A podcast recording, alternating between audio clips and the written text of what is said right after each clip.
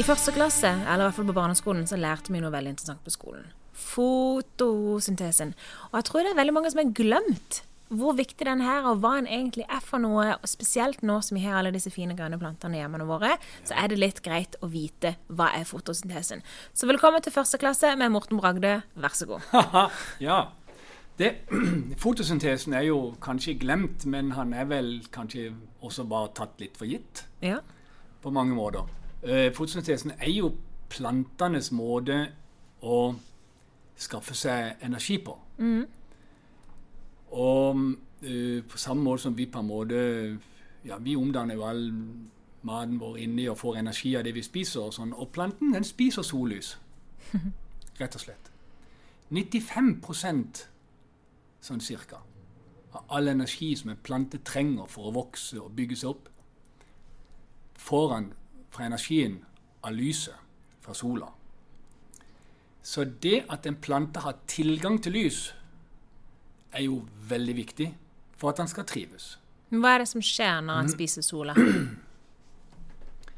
Det er veldig mange kompliserte prosesser Mm. inni et blad og inni ei celle og i grønnkorn eller klorofyllkornene inni ei celle som ligger inni en proteinklump, inni et annet, sammen med mitokondrier og masse sånn forskjellige ting som spiller sammen oppi dette. Men så du ser det, det er litt sånn eske, eske, eske. Men for, for en førsteklassing, da, så er det jo sånn at eh, bladet er grønt. Og det er det grønne som gjør planten mulig, gir planten mulighet til å fotosyntere.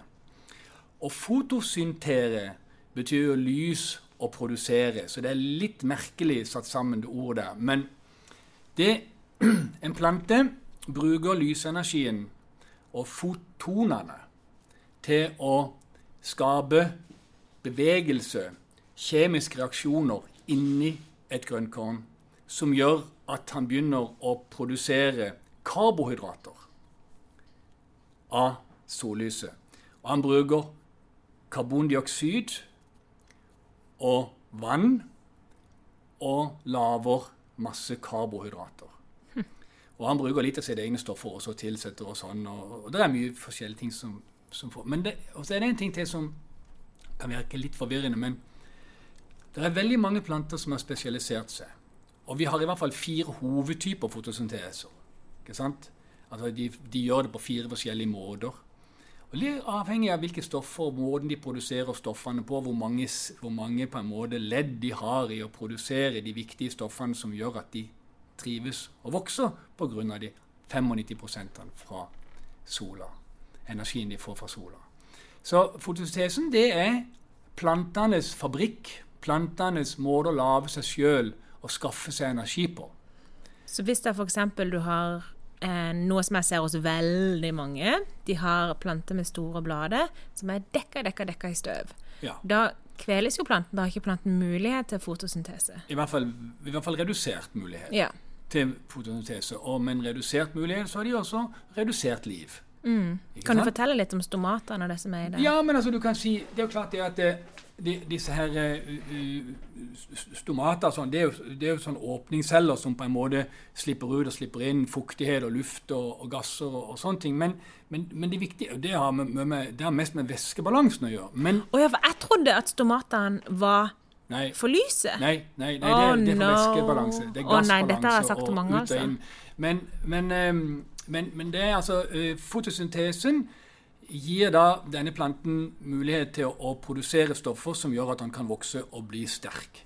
Men skal du høre det, at det er jo sånn at det, hvis du da har et støvlag på, så blir det redusert liv på den. Mm. Fordi at hva er det de opplever ute i naturen? Alle planter er jo ute i naturen. Mm. Regn. Regn. Og hva er det mange gjør?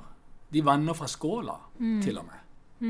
Og det, det de burde gjøre, var jo å sette de ut i regnet eh, jevnlig, hvis ikke det er på vinteren. Ja. F.eks. i skyggen, og gi det litt regn. Eller rett og slett ta vannkanna med gammelt vann, et døgn gammelt vann, og vanne det. For, for når, du får, når du får vannet som treffer på bladene, så absorberes det av en tørstplante, repelleres av en ikke-tørstplante. Ikke? Men det vasker vekk veldig mye. Enkelte planter har også et, sånn et nanotech-belegg overflate som gjør at vannet ikke fester seg. Altså hydrofobisk overflate på plantene som gjør at vannet ikke fester seg. Men det bare, og, og de er nesten sånn selvrensende. Det er jo så, det er jo så innom med selvrensende vinduer og sånne ting. Det har jo plantene holdt på med i et par hundre millioner år. Eller. Men, eh, men, men, eh, men, men fotosyntesen, Belinda, det er, en, det er, det viktigste du skal tenke på. Samtidig som du selvfølgelig like mye må tenke på jorda oppi dette. Mm. Men altså Og i og med at det er så mange forskjellige fotosynteser, så er det litt forskjell fra plante til plante. Men ikke la oss gå inn på en sånn detalj som det. La oss mer tenke på hvor en plante vokser naturlig. Mm. Så hvis den vokser naturlig under andre svære trær, så er den ganske effektiv i sin fotosyntese. Du kan tenke deg blåbærlyng, tyddebærlyng som er nede under andre store trær. Hvis du tar noen, tar noen tropiske planter som folk har inne. Alocasia? Ja, alocasia f.eks., som, som i hvert fall ikke står ute i fullt solskinn, men mm. som er under andre planter, mm. Eh, er også veldig effektive, selvfølgelig. Men igjen så sitter vi jo med solintensiteten som den begynnende faktoren. Så du kan si her om sommeren så er det jo fantastisk. Det er jo som i tropene. Mm. Ikke sant? Midtsommers. Men det er det om vinteren òg, i tropene men ikke her. Og om vinteren har vi kanskje 10% av det lyset vi har om sommeren. Og i tropene så er det kanskje 60% av det lyset vi har om sommeren, på bakken i skyggen. Hm. Det er forskjellen. Det er derfor mange sliter om vinteren. For det er fremdeles liksom fem ganger for lite lys. Mm. Og da har vi den andre tingen som, som, ofte går hånd i hånd med fotosyntesen, altså åndinga til en plante. Det er den prosessen som bryter ned og bruker om natta det han har bygd opp. Så om natta så bruker han faktisk talt oksygen. Og så bryter han ned en del av de karbohydratene han har produsert i løpet av dagen, for å klare seg. For da er det ikke sol. er det vel? Så da produserer han karbohydrater på den måten og bruker oksygenet til å bryte ned. Altså, det er jo på en måte det samme som frie radikaler og disse tingene her. Det er mye den samme mekanismen som får oksygen, er en forbrenningsgass som bryter ned veldig ofte. Og Dermed så har du da Åndinger Åndinga kan være er, er veldig viktig oppi det, i dette regnestykket med fotosyntesen. Så hvis du har veldig mye lys og du har en grei temperatur på 20 grader, da har du et godt forhold. Mm. Veldig mye lys snakker vi da Ikke vinterlys i et vindu. Mm. Så hvis du da har f.eks. vinterlys i et vindu og en skyggeplante fra jungelen, så, så må du ha mer lys. Eller så må du senke temperaturen. For temperaturen det er den som styrer åndinga.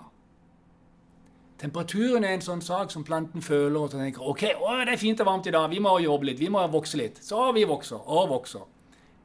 I høy temperatur.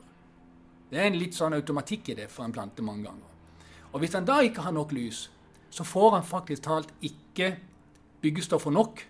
Og så ser du at en plante vil ha mer byggestoffer, og så strekker han seg mot mer lys. Så får du lange, slentrende greiner og blader, og gjerne litt bleike. Mange har det på monstera. Veldig lange, lange Heter det steng, eller hva heter det for noe, egentlig? Ja, det kan du si. Jeg vil kalle det stammer. Stamme, ja. ja. Lange stammer, små blader, ja. blasse og bleike. Ja, og det har mange ganger med dette å gjøre. Mm. Men det kan også være mangel på næringsstoffer i jorda, mm, mm. som jo også spiller inn, som jeg nevnte, for fotosyntesen. Mm. F.eks. jern som er en av de viktigste Kanskje ikke viktigste, men en, en av de viktige mineraler, et av de viktige mineralene for at et klorofyllkorn skal bli grønt, er jern. Så da må du jo ha rett og slett i jorda jernkilder. Og det får du i vanlig jord og vanlig kompostjord. Så får du ofte veldig nok av jernkilder. Men det hjelper ikke med jernkilder, de må brytes ned. Så enten så kjøper du gjødsel med sjelatert jern, som akkurat som vi går på apoteket og kjøper sånn eh, kosttilskudd med sjelatert jern som, kan tas, som er biologisk opptakbart i kroppen, så kan du gjøre det samme med plantene på den måten der. Men i jorda så krever vi da, for at en plante skal få grønne klorfyllkorn, så krever vi faktisk talt eh, tilgang på jern. Og da er det snakk om å få ut noen eh, stoffer fra planten som kan lokke på litt bakterier som, og enzymer som gnafser jern. ikke sant? Og gjøre det tilgjengelig for planten. Så, sånn, er, sånn, sett, så, sånn, sånn er jo da fotosyntesen ikke bare lys, men det er også da i samspill med ei tilstrekkelig levende jord og riktig temperatur, som da kan styre åndinga i riktig retning eller begrense åndinga. Mm. Det er jo viktig. Hvordan har dette med guttasjon å gjøre? Guttasjon har med, med turgortrykk og vann og, og vanntrykkssøylen inni planten å gjøre. Ok, ja. Så det er på en måte at da har han, da han, eh, da han og, og guttasjon kommer veldig ofte om morgenen i dugg, hvor det er et duggpunkt som, hvor lufta er litt metta av fuktighet. Og da fordampes, ikke, jo, da fordampes ikke vannet ut av de vanlige stomatene og sånn forskjellige ting for planten, fordi at det er metta rundt den, og dermed så kommer det ut som rent vann ikke sant, fra planten. Som en dråpe. Så, men, men, eh, men jeg syns at uh, For å gå tilbake til førsteklassen, så er det jo sånn at uh, grønne blader er veldig avhengig av nok lys. Det er regel nummer én. Ikke sant? Og så er det sånn da at de grønne bladene de er avhengig av at det er god jord. Og nå har vi sagt nok lys allerede, så nå skal han ikke bli lang og stranglete. skal han vel? Nei. Nei. Så er det da temperaturen som er den tredje tingen, som på en måte gjør at han ikke bruker opp det han har gjort i løpet av dagen. Gjennom åndinga.